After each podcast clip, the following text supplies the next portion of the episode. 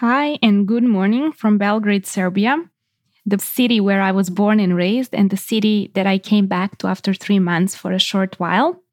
It was very funny when we came back home. I saw that pigeons have realized that I'm gone and they pooped all over the terrace. And that was very funny but the funny thing was that actually I told my husband that I don't know, like I'm very scared of pigeons, by the way, which I know it's weird. But I told him, like, I don't know, like I've never seen a pigeon even come close to our terrace when we were here. And I wonder how they realized that we've gone uh, somewhere for that long of a time because they obviously made a party, a poop party at our terrace. So it was the first day we came back from New York. I was basically just cleaning the house because uh, the lady that helps me with cleaning the house she couldn't come sooner than seven days from that on saturday. And i was like okay it's monday. I can't wait until saturday. So my husband helped me and he cleaned the terrace and i cleaned the insides from dust. And then i was like okay now i'm ready to get back to my routines. And I was thinking also of a quote by Jordan Peterson who said that there is no mental health without routines and discipline. And I was like, yeah, man, just that's this music for my ears because I really believe that as well. And since I was a child, I have loved discipline. Discipline to me is such freedom to have all the freedom in the world, what you want to do with your time, because when you are disciplined, you get things done when you say you will get things done. And when it's time to rest, you can rest and enjoy it because you know that what you've planned is done. And that doesn't mean that everything is done because while we live, there will be things unfinished. And when we die, there will stay unfinished business behind us. However, I just like to put things on my Google Calendar and put things like rest, time with family, time with girlfriends, time with my husband. And then when it comes time to do that, I just show up for myself. And today I wanted to talk to you about one quote that my really close friend Sara Peranic said. She actually is also on my program. She's one of my most successful clients. She lives in Zagreb, Croatia, with her boyfriend Borna. And we became very close friends. First, she enrolled my program two years ago. We share the same values, like when it comes to life and business.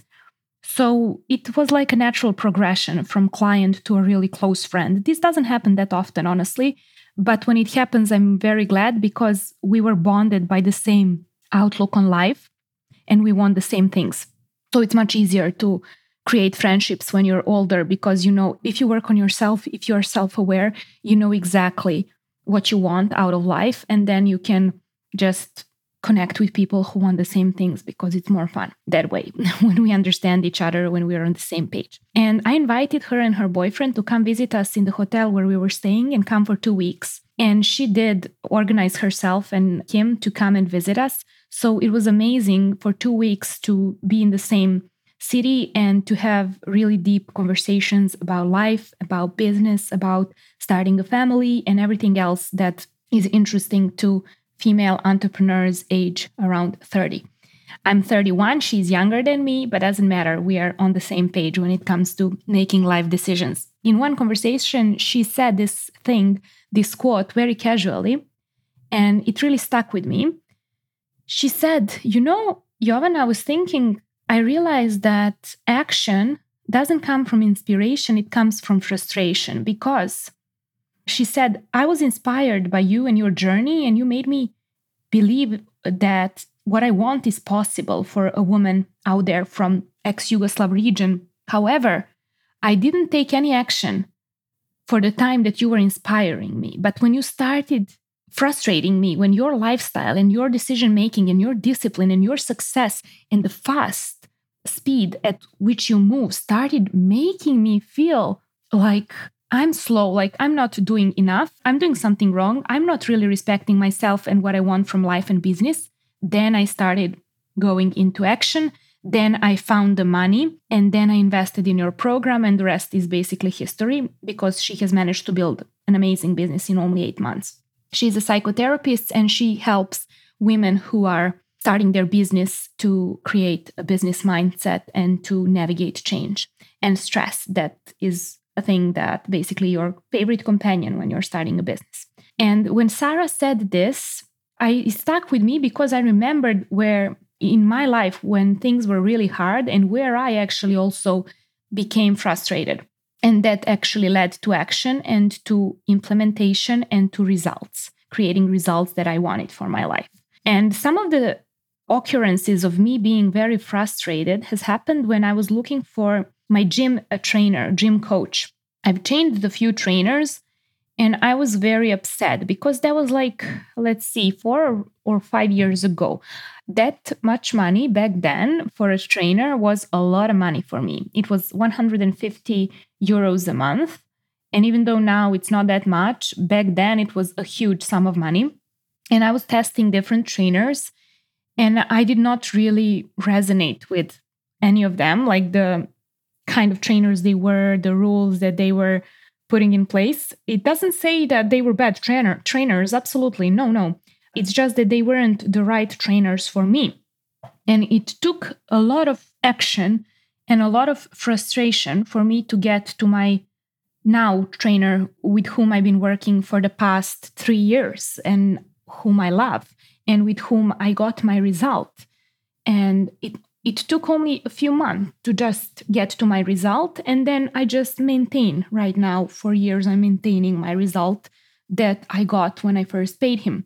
Then i had the same situation with masseuse. I have a masseuse that comes to my house every friday and it took a long time and a lot of money and a lot of frustration for me to get frustrated enough to start making a protocol of from all the mistakes that have happened with my other masseuse and like what I want different so I could find a person and communicate well with them what I really want. And I've managed to do that now. And I have the same woman I work with for years now. And it's all very interesting when you think about things in life, like whether it's like a house cleaner, someone who does a massage for you, someone, a physiotherapist, a trainer, a yoga teacher, a vocal coach, all of those people I work with even like the people that work for my help me manage my website luca that helps me uh, produce this podcast and everyone else in my team. It took a lot of time and a lot of frustration not inspiration but a lot of frustration for us both me and the other side to get a hold of each other and to understand how we are as humans and what kind of communicators are we and how can we make it best work so that we are both comfortable in the communication. And I was also thinking about when I found my mentors, I was frustrated with some things. I could not find answers.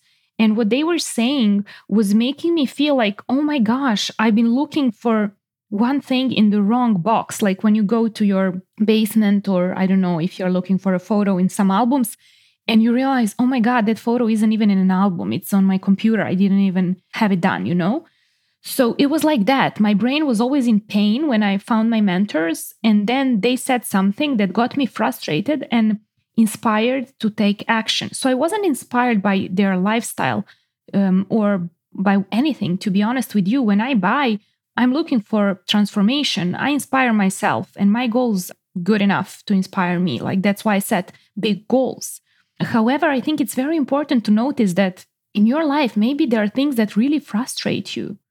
Like I was talking on my IGTV in Serbian though about the difference between jealousy and envy. Envy is wanting to destroy someone because they're doing much better than you. And it's a mean emotion. It's like coming from feeling of insufficiency and like you are less than and you are not enough. So you cannot raise, you have to take someone down. And that's not a really a good place to be in, like mentally and energetically. And then on the other side, we have jealousy, which is amazing I equate jealousy with frustration because you see someone living their dream life and it makes you pissed off. And why it makes you pissed off? Because you're mean? No, because you're a human. And because that's a little signal that you have the ability to be the same and to do the same. If someone is doing something that's amazing and you don't care about it, well, then it's not a part of your life story. But if someone is doing something amazing, like starting a business, making 1 million euros from Serbia or anything else that you want, and you get jealous, that's amazing because you've got that in you. You just need to dig in. And another important thing when it comes to this frustration has nothing to do with the other person, neither does jealousy. It has everything to do with you. you need to see wh- who are you jealous of and why and how can you cultivate the skills and the emotions and the thoughts that successful person has? Because you obviously have the desire in you. Because if you didn't have it you would not be jealous. And always remember that jealousy can be your superpower. So can frustration. And please if you haven't read the book dark side of the light chasers by debbie ford what are you waiting? I'm going to mention this book like million more times it's very important for us to follow our emotions and our thoughts, to pay attention to them and to write them down because they are our true path to where we want to go. They are telling us, like in that game, like, is it hot? Is it cold? Is it hot? Is it cold? You know, when we played that hot or cold game when we were kids, you hide an object in a house and then you go like hot, hot, hotter, hotter when someone is approaching the object and they don't know where it is. And then when they start going far away from the object, you say cold, cold, cold, cold. We were playing that in Serbia all the time when we were kids. It's just like that with jealousy. It's just like that with frustration. And please don't ignore it because it doesn't feel good. Because you would be taking yourself, taking away from yourself a very, a very strong guide and a very strong impulse that tells you hey, there is something here for you. Otherwise, you would not even have noticed it. I would like you to take a piece of paper and write down all the people you are jealous of and why. Write down why next to each person and write down on the next to that all the things in the world and in your environment that you are frustrated by because this can be amazing signal if you want to start a business, where would you like to start a business in? I met one really amazing couple when I was in New York and I was doing a meetup in my favorite Le Pain Quotidien pastry. And the couple was also from Serbia, and the girl was starting her business. They used to work in the restaurant business for a long time, and she is finishing her degree with holistic nutrition. And she wants to help women who work in restaurants like crazy shifts to get their health in order, to find a way to eat healthy and to have regular meals, even though they're like overworked. And this is important because this woman can really change their world because she is one of them. She understands their pain and their frustration. They, it seems easy from the outside because you're like, yeah, they work in a restaurant. What's the big deal? They can eat anything anytime. No, they can't because they're like just like in the airplane, they have a lot of other things to do, and eating is not one of the priorities. Even if we know that it should be, yeah, it should be, but it's not. And that's why she's going to help them to get their health and nutrition in order because she was working in that industry and she knows and she had the frustration and she has decided to finish that degree so she can help them. And I know this woman will make a successful business because she's very familiar with her ideal client and her customer avatar.